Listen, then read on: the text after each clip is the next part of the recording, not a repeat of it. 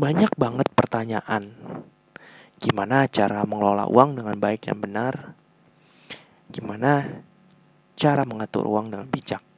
Bersama Opal, kali ini gue mau ngajak kalian semua untuk ngobrol bareng sama teman-teman gue.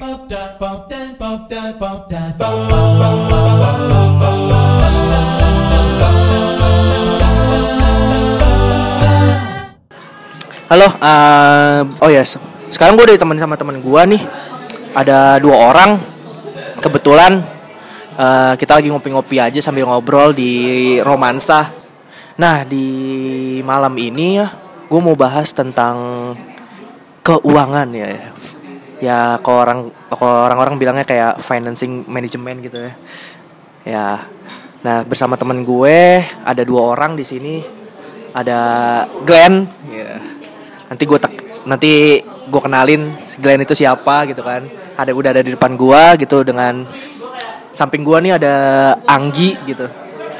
Mungkin nanti kita bisa ngobrol tentang gimana sih uh, manajemen keuangan buat anak-anak muda nih yang baru ya baru menapaki dunia kerja nih biasanya kan lebih sering berfoya-foya untuk hobinya.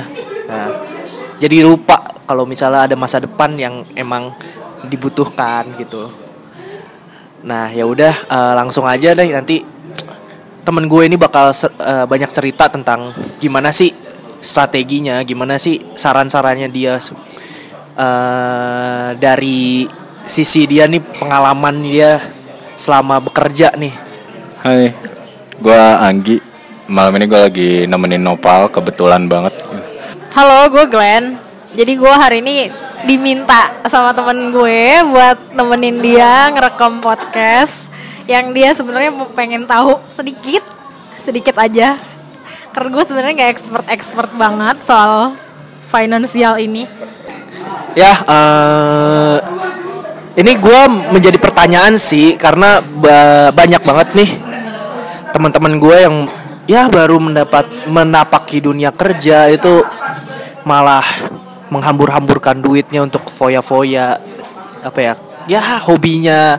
Kadang ada yang beli mainan ada beli sneakers ada jalan-jalan ke luar negeri. Ya emang itu sah-sah aja sih karena itu uh, apa ya uang-uang dia dia bekerja keras untuk dirinya sendiri gitu kan. Tapi yang menjadi pertanyaan apakah mereka mereka mereka ini tuh memikirkan untuk nabung untuk ya kita tahu kan uh, umur itu kan terus berjalan. Nah apakah mereka mereka ini mempersiapkan untuk masa depan itu gitu kan? Nah sebenarnya gue mau ya mau coba untuk uh, mengulik ini ya sama temen gue ya yang tadi gue kenalkan si Glenn ya ini ya Glenn ini ya cukup ya mungkin oh, udah cukup paham lah tentang ya manajemen keuangan yang baik gitu loh. Kayak gimana. Nah uh, ya kalau gue pikir ya karena umur umur ya masa-masa awal kerja itu kan umur umur 21 sampai 25 ya Glenn. Jadi uh, ini kan kayak masa-masa transisi ya transisi lah dari kuliah dari yang disuapin sekarang harus nyari untuk makan dia sendiri gitu kan. Nah jadi kan mereka tuh kaget nih. Jadi ngerasa kayak gue banyak duit ya udah ini duit gue ya gue mau kayak gimana ya ini uh, suka-suka gue gitu loh. Mereka nggak ada pemikiran untuk rencanain nabung seperti apa. Padahal kalau misal kita lihat sekarang kan udah banyak kemudahan untuk investasi ya. Apalagi anak-anak muda ini kan udah seharusnya ya udah seharusnya untuk berpikir ke arah sana gitu loh nah uh, menurut lo gimana nih kayak ya baiknya seperti apa nih kayak awal-awal kerja tuh harus gajinya menyisihkan berapa persen buat nabung terus kayak investasi apa yang baik buat anak muda gitu loh dari sisi lo gitu kan. Dan yang gue tahu kan karena lo kayaknya udah paham banget nih soal keuangan ya. Jadi kalau menurut gue ya gue gue dapet narasumber yang cukup mumpuni gitu. Ya. Ya jadi gimana menurut lo nih? Oke, Pal. Jadi menurut gue sih secara psikologis sih em, kita itu tuh wajar ya. Dari transisi kita tuh kuliah, terus kita kerja nih sekarang. Em, yang dulu kita tuh masih minta sama orang tua, terus yang apa-apa tuh ah, ngehemat banget, terus nongkrongnya paling di burjo deket kampus, deket kosan. Terus sekarang eh, you earn your own money gitu loh. Terus yang ya lo udah kerja capek-capek mungkin ini salah satu bentuk lo present kasih present ke diri lo sendiri. Ngasih hadiah lo beli apa itu beli apa. Itu tuh hal yang sebenarnya masih dalam tahap wajar. Nah yang pengen lo tanya kan sekarang eh, mengatur mengelola lah mengelola keuangan lo itu gue pernah nih dalam tahap yang kayak gue pengen tahu banget eh gue pengen tahu banget berapa sih yang gue keluarin dalam sebulan dan gue tuh ngecatet itu bener-bener detail gitu. tapi itu tuh nggak sebenarnya itu nggak membantu sama sekali karena lo tuh bisa buat gue itu nggak membantu karena gue pusing nyatet nyatetin nyatetin itu karena menurut yang gue dapet oh ternyata pengeluaran gue gede banget dan itu keluar dari hal-hal kecil Nah, dan itu tuh hanya bertahan dua minggu habis itu udah selesai gitu. Kadang kadang kita nggak ngeh ya, kadang kita nggak ngeh eh, eh, tentang pengeluaran-pengeluaran kecil ini. Nah, anak-anak muda sekarang tuh apalagi yang namanya first jobber ya lo bisa takar lah penghasilannya eh, 5 sampai 10 lah ya, anggaplah kayak gitu. Nah, ini kan penghasilan yang medium-medium anak-anak muda ya. Jadi kayak eh, lo tuh mesti pinter-pinter banget eh, memilah di mana lo naro duit lo itu. Nah, lo mau spending kah, lo mau investing kah, Eh, atau jenis-jenis yang lainnya. Kalau gue sendiri membagi eh, pengeluaran-pengeluaran eh, membagi gaji gue itu em, minimal ya. Pas lo tuh belum lo tuh belum berkeluarga. That means lo belum punya tanggungan. Kalau gue sendiri itu punya share 50% buat investasi kalau gue gue pribadi.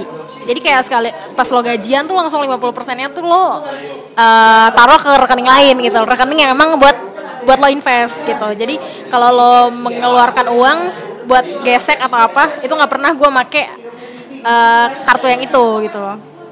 Dan em, 30 persennya lagi buat kebutuhan pokok yang ya kayak transport apalah yang lo pakai buat makan. Terus 10 persennya lagi 10 persennya lagi itu buat eh, sosial atau religion lah mungkin lo pengen ngasih.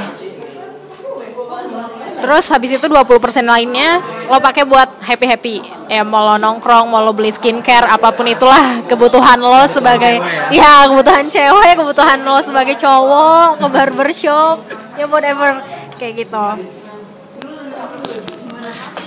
Ya gue setuju banget sama Glenn sih karena kita kadang-kadang meremehkan hal-hal kecil ya Glenn. Kayak kayak kayak gue pernah juga sih di posisi gitu kayak gue ngerasa kayak gue pengen beli gadget nih harga 10 juta atau 12 juta yang menurut gue kayak ih mahal banget ya gitu kan tapi gue nggak sadar kalau misalnya gue beli hal-hal kecil kayak baju kayak sepatu yang yang itu harganya itu jauh lebih murah dibandingkan gadget itu gitu kan tapi frekuensi gue beli itu malah banyak hal-hal kecil itu dan kalau kita hitung itu malah pengeluarannya lebih banyak di hal-hal kecil gitu dibandingkan lo ngeluarin duit gede sekali sekali apa sekali itu aja gitu loh gue setuju sih Eh, dan pembagian gue gue ngerasa lo cukup berani ya lo hampir 50% ya untuk untuk spending di spending di investasi ya gila. Kalau menurut gue itu cukup berani sih. Kalau gue sendiri gue mikir sih. Iya kayak mungkin gue 30% sih. heeh. Kalau lu gimana Gi?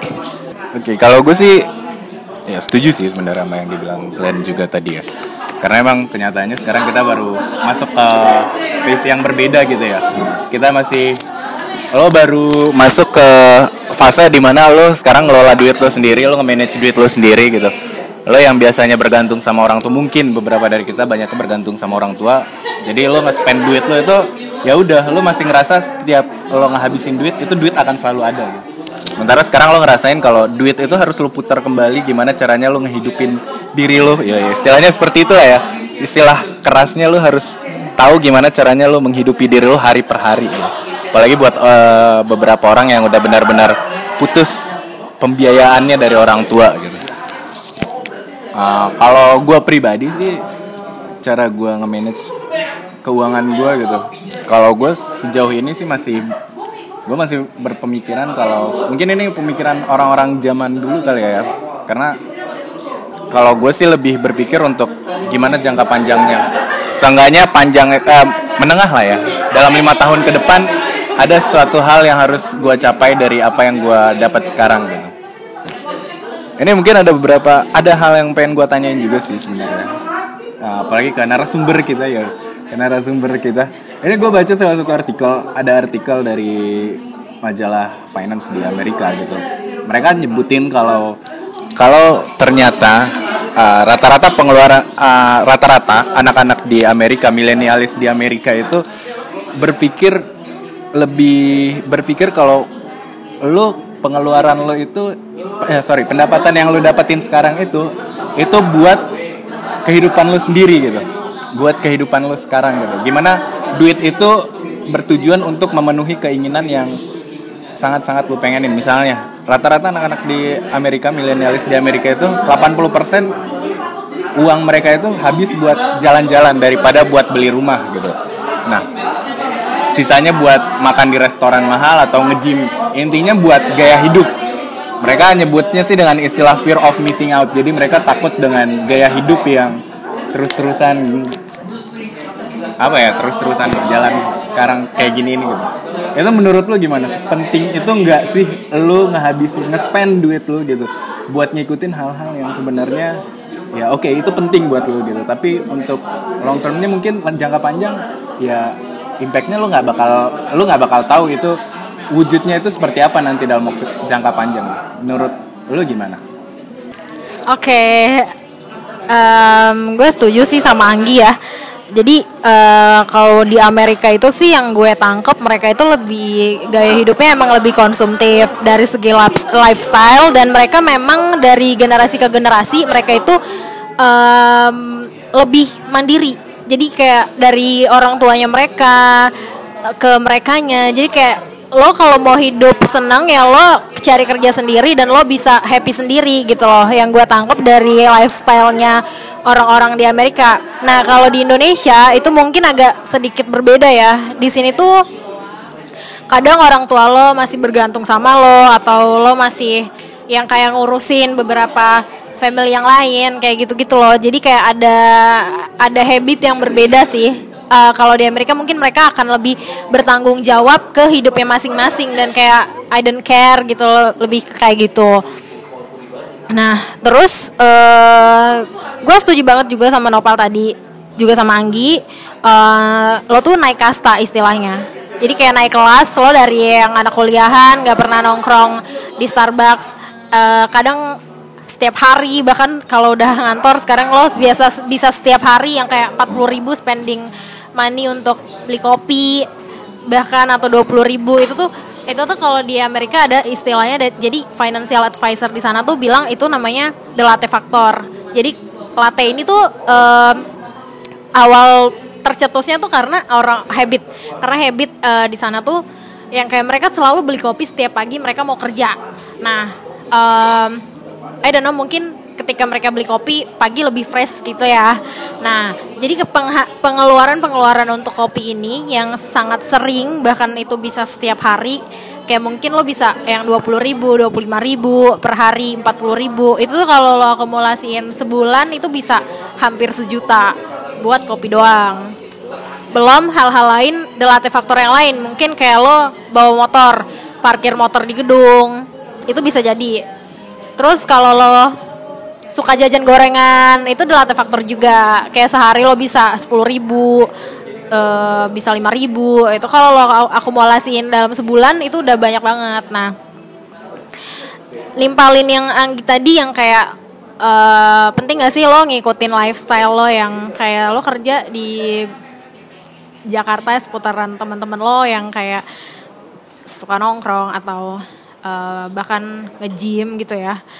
I, that's not wrong sih menurut gue kalau misalnya lo bener-bener mendapat benefit yang eh, lo anggap itu worth buat lo. Nah, tapi eh, misalnya gini lo tuh bisa eh, substitusi sih sebenarnya. Lo bisa nge-gym, lo gantiin dengan lo eh, di rumah aja lo liatin YouTube itu banyak banget hal yang bisa lo lakuin sendiri di rumah yoga kayak apa kayak gitu ya. Terus kalau kopi lo tuh bahkan bisa bikin sendiri loh sebenarnya kopi yang enak. Dan itu tuh banyak banget cara caranya itu bahkan bakal lebih bikin lo lebih kreatif. Dan lo tuh nggak perlu spending money untuk hal-hal yang sebenarnya lo bisa dapat itu dengan harga yang lebih murah gitu. Menurut gue menarik nih tadi yang apa Glenn bilang tadi tuh dengan the latte factor ya karena karena pas dia bilang tuh gue gue langsung mikir kayak oh iya juga ya gitu kan. Karena secara nggak langsung memang gaya hidup kita tuh udah ke kopi kopian kok gue bilang gitu. Iya kan? iya. Iya. kita udah udah terlalu indie kok orang bilangnya. Kopi dan senja eh. obrolan kopi dan senja gitu kan. Tapi emang bener kadang kita bisa menghabiskan eh, apa ya berpuluh-puluh ribu gitu kan. Padahal menurut gue dulu ya dulu gue gue suka kopi dari dulu tapi gue ya gue heran juga kenapa gaya gaya hidup gaya kopi gue tuh udah makin naik ya gitu loh. Ya maksudnya kita balik lagi di topik ini kayak gue dulu tuh ngabisin paling ya dua ribu dua ribu lah gue beli kapal api gitu kan. Iya kan dua ribu gue seduh sendiri gitu kan. Paling minta tolong nyokap gitu kan seduhin. Tapi sekarang gue kayak apaan sih kapal api? Itu udah ya gitu. Lah nggak ada rasanya gue gue sekarang seringnya beli latte atau pico, piccolo lah eh, espresso lah gitu kan. Tapi ya itu ya emang spending kita itu kadang-kadang untuk gaya hidup emang tinggi banget sih. Apalagi eh, di metropolitan kayak Jakarta ini kan. Ya lo tahu sendiri kayak apalagi kayak lo kerja di ya daerah-daerah yang padat. Ya kayak Sudirman Rasuna Said itu kan kalau menurut Hah? Iya Kalibata juga ya karena ada orang yang tidak suka. Tidak tidak disebutkan ya. Ya menurut gua ya ini cukup cukup cukup menjadikan suatu garis apa catatan yang yang kita bisa pelajarin juga ya gimana kita harus merubah itu. Dan kalau menurut kalau gue sendiri ya kalau untuk itu kalau menurut gue gue sekarang udah mengurangi karena kayak gue sekarang lebih banyak bawa tumbler atau apa gitu kan kayak ini. Ya balik ke topik lagi sih the latte factor ya Glenn. Ini gue cukup apa ya ya ini sangat sangat sangat apa ya sangat co ya relate dengan kehidupan apa ya kehidupan gaya anak-anak millennials di Jakarta ini gitu kan. Kadang ya itu yang gue bilang tadi ini ini pengeluaran receh kalau menurut gue gitu lah. Ya pengeluaran receh cuman kita tuh nggak sadar eh, pas kita akumulasi dalam sebulan itu kita wah gila. Kita buat makan aja habis 2 juta 3 juta gitu kan kayak nggak nggak nggak banget gitu loh kalau misal menurut gue. Kayak kayak kita tuh bisa nekan pengeluaran kita di situ gitu loh nah kita balik lagi nih. Kayak kayak gimana sih strateginya gitu Glenn dari eh, dari lo sendiri nih atau dari lo Anggi kalau misalnya lo punya pendapat gitu kan.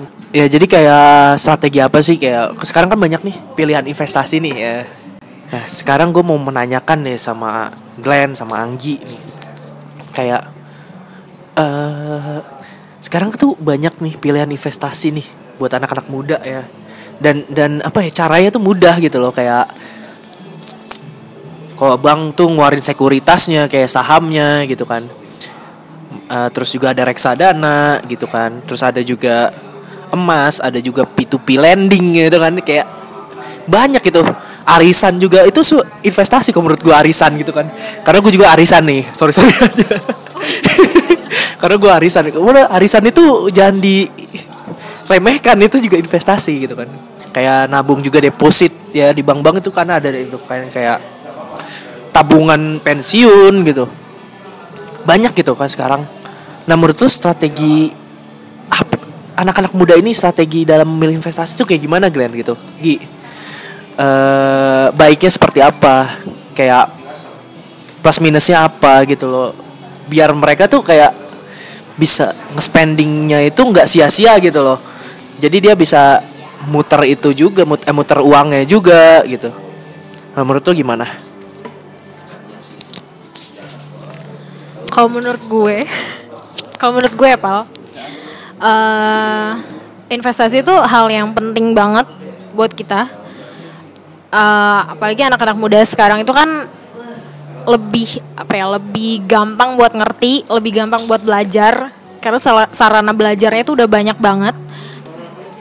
Dan kita dimudahkan banget juga sama media sosial bentuk apa pun ya. Nah, eh, selain yang gue bilang tadi ya lo tuh harus membagi bener-bener disiplin bagi eh, share gaji lo itu berapa persen berapa persennya. Jadi kayak buat invest lo berapa invest itu juga bisa macam-macam ya. Invest invest itu lo bisa pakai buat dana pensiun juga itu lo harus prepare. Kalau lo nggak mau nyusahin generasi di bawah lo gitu. Eh terus investasi itu yang kayak gimana sih? Investasi itu pokoknya yang eh, ada capital gainnya. Jadi ad- eh, yang harga jualnya itu akan selalu naik. Kemudian ada ada return ada return dari eh, investasi kita. Misalnya nih lo em, invest dalam bentuk fixed asset fixed asset lo misalnya lo apartemen. Apartemen itu lo sewain. Nah lo dapat return kan dari situ uang sewanya. Nah itu bisa jadi eh passive income juga. Terus misalnya lo punya mobil terus lo sewain ke orang. Nah itu bisa juga jadi i- bentuk investasi. Nah yang mau gue tekankan di sini adalah kalau investasi itu tuh better ya kalau lo masih muda dan masih punya banyak waktu banget buat belajar lo tuh invest aja ke pasar modal. Pasar modal tuh eh, intinya cuma dua. Ada bond ada stok bond itu adalah produk utang.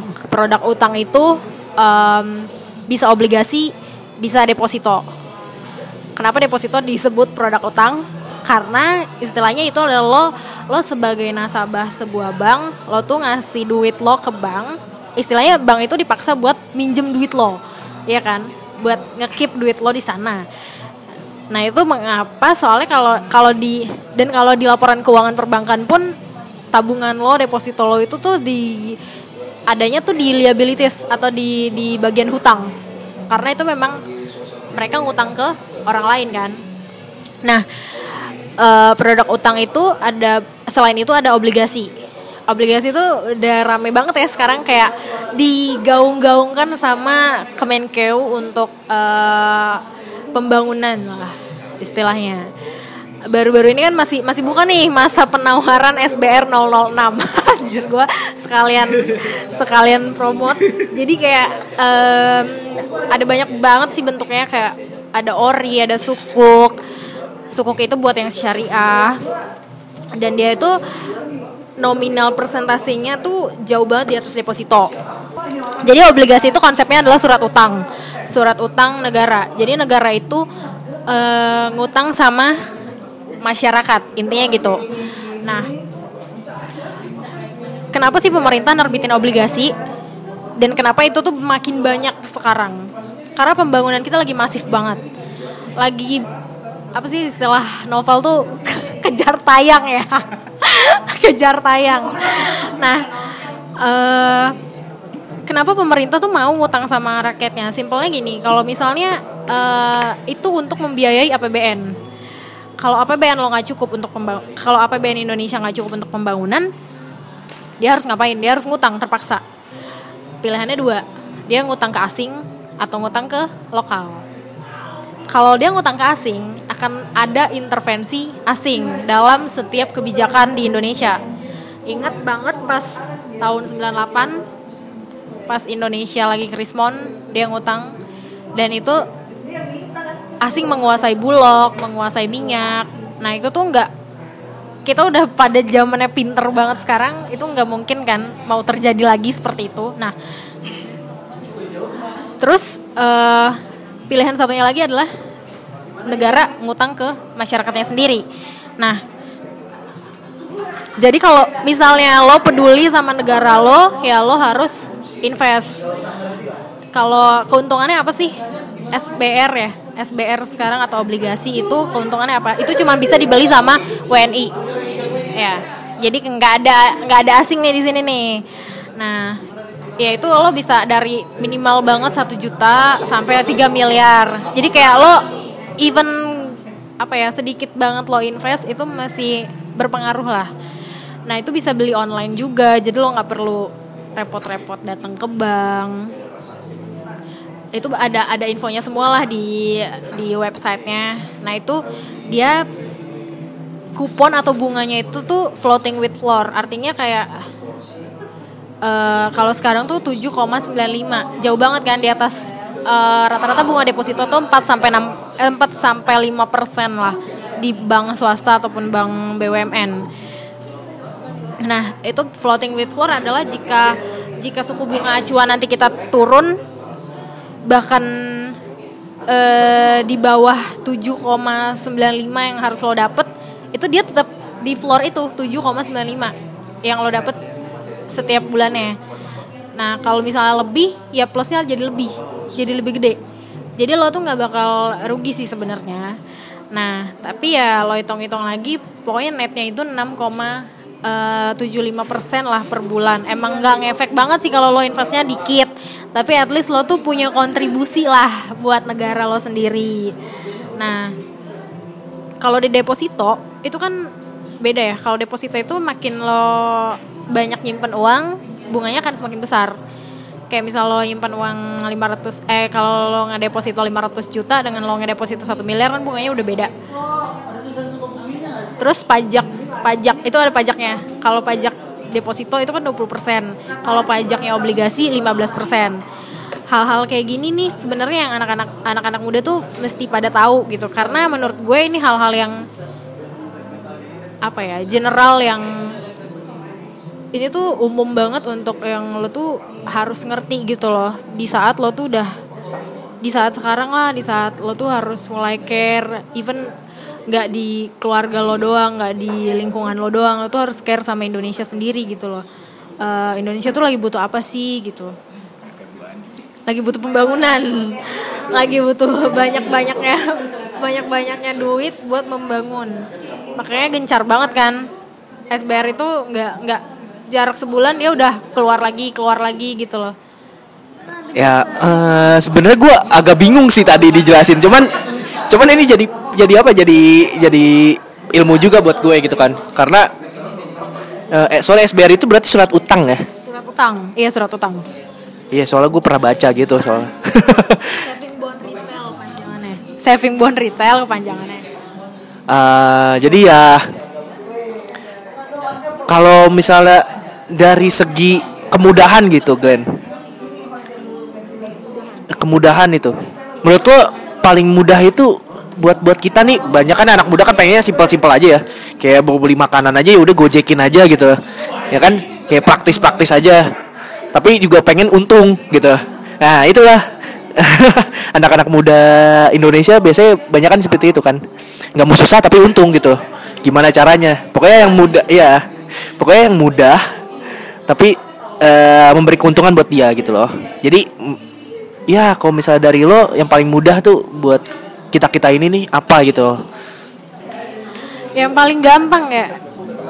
Yang paling gampang tuh kalau buat gue gue paling eh, kalau lo nabung ya, kalau lo nabung doang di bank itu tuh sebenarnya eh, menabung itu adalah aset kelas terburuk.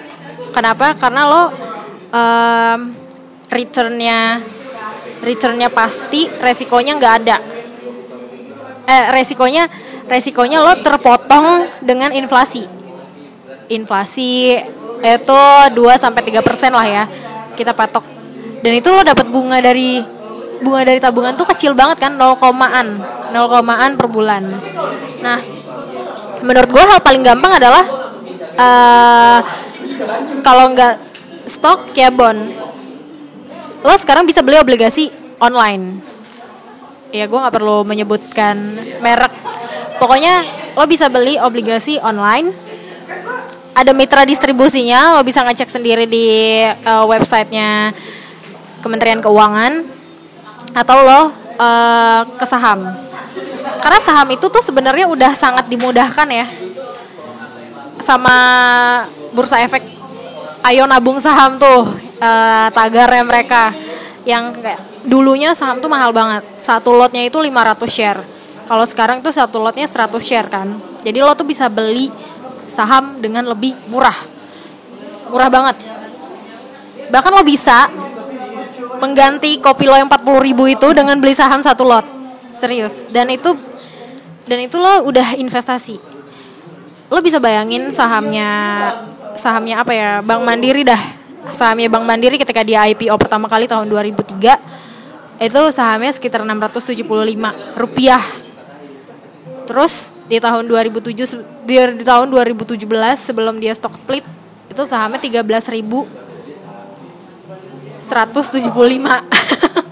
jadi kayak itu jauh banget berkali-kali lipat. Hampir 1000% naiknya. Nah, maksud gue di sini adalah lo di di situ lo tuh nggak kena inflasi, ya nggak sih? Ya kan? Lo tuh akan menyesuaikan harga pada saat itu. Nah, saham itu tuh kepemilikan atas suatu perusahaan.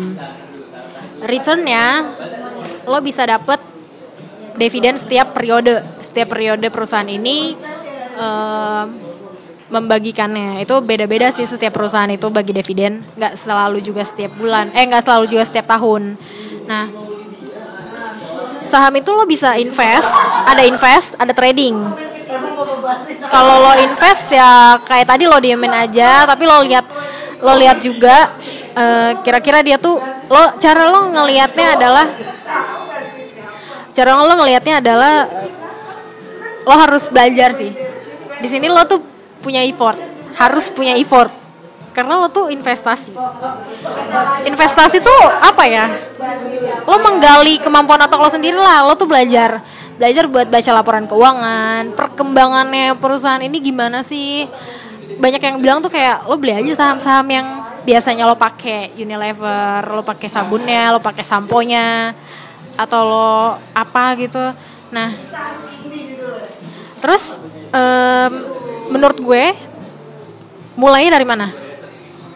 Pertama lo tuh harus harus eh, buka account sih. Buka account eh, di sekuritas.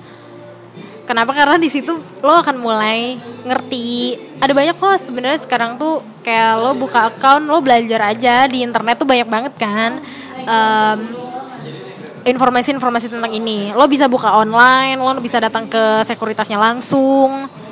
Terus lo tuh yang kedua adalah lo jangan mau disuapin mulu. Eh sekuritas gue bilang beli saham ini. Terus lo ikutin gitu. Tapi lo harus belajar juga. Ini perkembangan perkembangannya tuh seperti apa sih gitu loh. Nah, yang pertama adalah pahami konsep. Pahami konsep saham itu sendiri lo harus tahu esensinya. Esensinya itu bertumbuh. Lo harus se- seiring dengan lo investasi, lo tuh harus bertumbuh. Ya bertumbuh, mindset lo tumbuh, pengetahuan lo tumbuh, lo ngerti industri itu bergeraknya gimana. Di situ lo bisa paham. Nah, sambil praktek lo tuh harus buka account. Ini bedanya saham sama reksadana ya. Gue sempilin dikit penjelasan tentang reksadana. Jadi kalau reksadana itu lo tuh sebenarnya investasi saham juga, tapi lo itu nggak secara legal terdaftar di bursa. Lo nggak punya eh, SID, single identity, single investor identity. Lo nggak secara legal terdaftar di situ. Tapi sebenarnya lo invest juga melalui orang lain. Kalau reksadana itu lo tuh nitip eh, anggapnya kalau kayak lo nitipin duit ke si A eh beliin gue saham dong nah lo sebenarnya nggak tahu nih dia tuh bakal ngebeliin lo saham di perusahaan mana berapa berapa banyak nilainya. Karena mereka tuh eh, randomly yang menurut mereka akan naik. Nah eh, di sini menurut gue lo kayak lo kalau nitipin kayak gitu lo nggak belajar kan intinya? Kayak lo tinggal yang kayak auto debit aja dari rekening ya udah tinggal terima returnnya. Dibanding lo nitipin uang dibanding lo reksadana. Saham itu bakal lo bakal bisa lihat sendiri return lo tuh jauh lebih besar. Dan lo bakal bisa lebih belajar sendiri juga. Misalnya nih harga saham turun atau harga saham perusahaan ini naik itu tuh lo bisa tracking oh saham ini tuh lagi kenapa? Jadi dia akan sahamnya akan naik atau sahamnya akan turun. Itu tuh bisa apa ya ini namanya prediksi. Prediksi Ah, banyak banget ya nih kita belajar dari si Glenn nih. Tapi menurut gue emang bener sih kita harus ngerti juga. Jadi kadang kan kadang kita lupa nih kita males untuk baca, males untuk belajar, males untuk bertanya terutama sih. Jadi eh, pengennya yang instan, yang instan, yang instan. Kalau menurut gue eh, kita juga harus mengerti. Kadang kan itu kan ibaratnya hasil jeripayah kita sendiri dan mau nggak mau ya kita harus lebih peduli sama hal apa eh, hasil itu kan hasil jeripayah kita gitu. Makanya kita harus belajar gimana caranya. Nah dan yang dari yang gua tangkap dari Glenn ini ya emang eh, apa ya investasi kayak saham reksadana atau obligasi tadi itu kan gak berwujud ya Glenn? Itu kan gak berwujud ya. Nah eh, itu lebih baik menurut Glenn gue nggak tahu sih perbandingannya antara yang berwujud sama yang nggak berwujud gitu. Tapi kalau dari Glenn dari Glenn tadi yang lebih mudah seperti itu gitu kan dari penjelasan penjelasannya nah gue mau nanya sama Anggi nih gitu kan. Kalau menurut lo gimana Anggi? Kayak lo lebih milih untuk invest yang berwujud atau tidak berwujud gitu loh? Atau ka- kalau lo mau nanggapin tadi pernyataan dari Glenn juga nggak apa-apa sih sebenarnya. Gue cuma pengen tahu aja dari pandangan lo tentang investasi gimana pilihan investasi kan udah banyak nih. Nah, pandangan lo terhadap eh, menu investasi di Indonesia ini gimana gitu loh. Eh, menarik sih tadi ya yang disampaikan Glenn banyak banget tiga SKS kali ya. maksudnya eh, itu emang invest kan banyak banget ya bentuknya dengan returnnya yang berbagai macam dan yang pasti resikonya juga berbagai macam kali ya risikonya macam-macam kali ya. Gue pernah baca artikel juga. Itu ada istilah yang nyebutin kalau high high risk high return gitu. Jadi resiko dan return itu linear. Makin tinggi resikonya makin gede kemungkinan lo bakal cuan gitu kan. Cuan. cuma nah itu kalau misalnya tadi per- kalau kayak tadi pertanyaan Nopal kalau gue prefer yang mana? Gue sendiri masih tahap menjajaki ya karena background gue bukan background keuangan tapi gue masih berusaha belajar mulai dari saham reksadana obligasi atau apa pun bentuknya gitu. Tapi emang jujur gue pribadi adalah tipikal yang sangat berhati-hati gitu. Gue belum berani main di investasi dengan re- resiko tinggi gitu. Jadi kemungkinan gue masih nyaman mungkin di deposito sekarang ini gitu. Kalau gue pribadi sih lebih nyaman bermain di investasi yang risikonya lebih rendah walaupun returnnya ya stagnan lah kali ya masih segitu-segitu aja.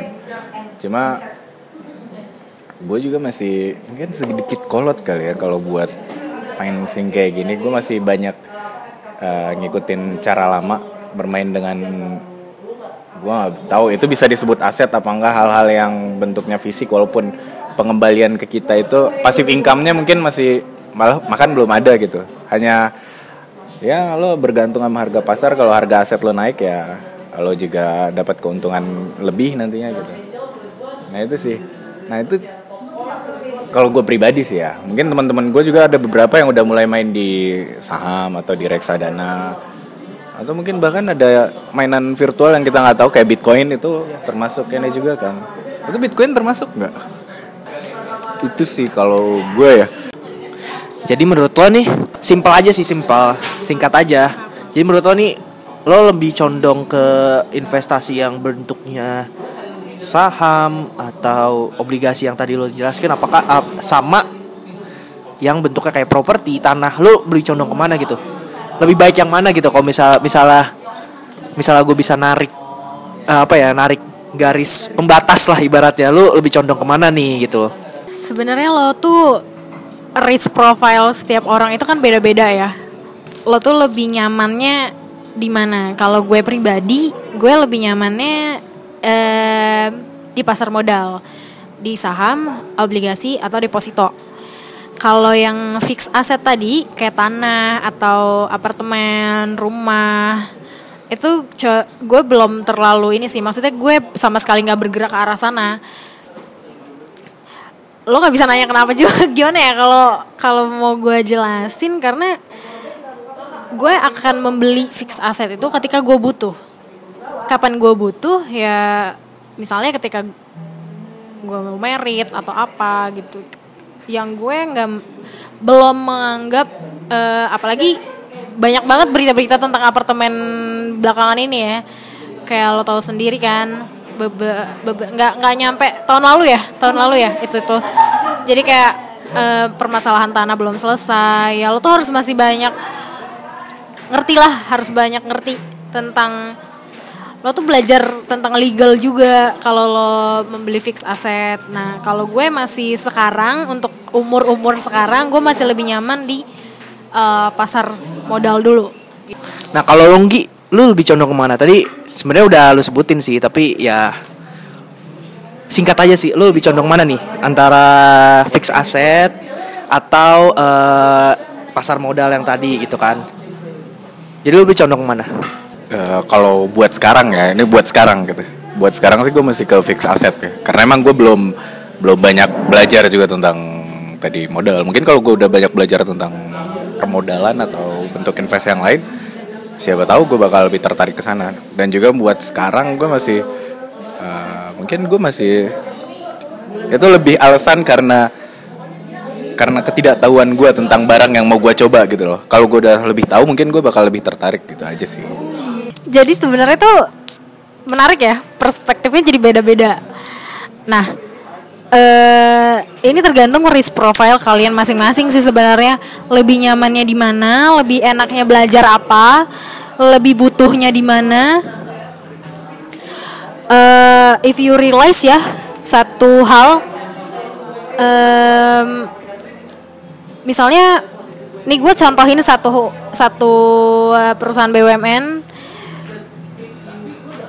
BRI misalnya ya dan itu salah satu bank BUMN lo tahu itu salah satu bank BUMN di Indonesia tapi lo tahu nggak sih ternyata asetnya dia tuh aset terbesar aset BRI itu aset bank paling besar di Indonesia dari aset dia yang 1100 triliun itu dan dari eh, 100% eh, kepemilikan saham itu 49 persennya itu dimiliki publik. Dan lo tau gak sih dari kepemilikan publik itu 81 persen itu dimilikin sama asing. Lo bisa baca sendiri kan di sini. Asing itu masih intervensi Indonesia banget. Nah, kenapa sekarang banyak bang ba- bursa itu menggalakkan banget nabung saham? Dia tuh lebih gimana ya? Istilahnya adalah lo tuh dia tuh menggalakkan banget investor-investor lokal, apalagi anak-anak muda sekarang yang em change-nya tuh lebih besar gitu loh dibanding orang-orang zaman dulu ya kan itu sih Hah, kita banyak belajar banget sih hari ini ya. Eh, ya gue makasih banget sama Glenn nih. Jadi kalau misalnya gue bisa simpulin ya kayak dari pembicaraan kita ya, yang paling penting nih buat ya awal-awal karir nih, jangan meremehkan pengeluaran kecil loh. Karena nih kalau di compile, kalau di ini bakal menumpuk jadi besar gitu kan. Yang tadi si Glenn bilang latte efek ya, Jadi latte efek. Latte faktor, sorry, latte faktor tadi. Nah, gue pernah gue pernah baca kayak kutipan dari Suz Orman kalau nggak salah. Dia bilang kayak sebaiknya kita teliti terhadap apa pun yang bisa kita hemat atas biaya apa pun dan sekecil apa pun. Karena jika terkumpul itu bukan jumlah yang kecil gitu loh. Jadi eh, di sini kita harus benar-benar apa benar-benar teliti banget gitu kan. Terus yang kedua kita harus tahu kita mau nabung buat apa gitu loh. Jadi fokus lo ke dep- masa depan tuh apa gitu. Jadi jangan jangan lu nabung saham saham saham gitu kan. Tapi lu nggak tahu itu buat apa nanti Heeh. jadi lu harus tahu dulu gitu kan jadi kan kayak lu bis di sini bisa belajar juga nahan ego pribadi lo buat nggak beli barang-barang yang ya menurut gua nggak penting juga sih gitu kan buat hidup lo di depan. Yang ketiga tuh kayak nah ini penting banget nih buat anak-anak muda yang gaya hidupnya sekarang. Ya terlalu ya gitulah. Jadi hindari beli barang yang kayak cuman buat lo eh cuman karena gengsi ibaratnya gitu. Jadi kayak barang itu lo beli cuman buat kayak ya lu naikin apa ya naikin level lo lah gitu kan.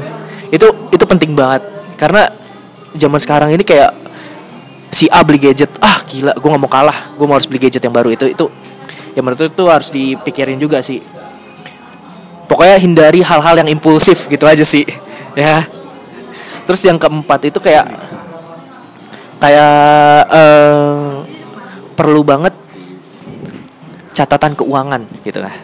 Ibaratnya itu perlu banget kayak ya simpel aja sih kayak pengeluaran lo harian aja sih kayak cash innya up berapa cash outnya berapa. Jadi kayak lu bisa ada oh gitu Gi- ternyata gue sehari segini gitu kan. Lu bisa merencanakan keuangan yang baik nantinya gitu kan. Terus yang paling penting juga kayak tadi in, lu belajar investasi. Nah ini penting nih. Terserah lu mau investasi yang bentuknya properti emas atau bentuknya kayak saham itu tapi yang pasti lu belajar. Lu harus tahu plus minusnya. Di sini lu banyak udah banyak kok internet juga udah mendukung hal itu gitu kan. Lu juga bisa bertanya sama bank juga kalau emang lu mau ke bank investasi di bank gitu kan. Yang pasti juga kok nggak salah eh, bursa efek juga suka ada sekolah investasi itu kan. Dan itu sekolah pasar modal gitu kan. Dan yang terakhir tuh jangan boros. Lu kalau beli kopi jangan sering-sering yang di kafe lah. Ya ini termaizo aja sih eh, Nah itu aja sih dari gue Eh, Makasih banget buat Glenn Buat Anggi yang udah sharing tentang Finansial Planning ini Sorry finansial manajemen ini. Jadi kita banyak be- eh, belajar sih Tentang bagaimana kita Mengatur keuangan Mengelola keuangan kita gitu kan. Yang penting eh, Thanks banget buat hari ini Buat Glenn Buat Anggi. Oke Bye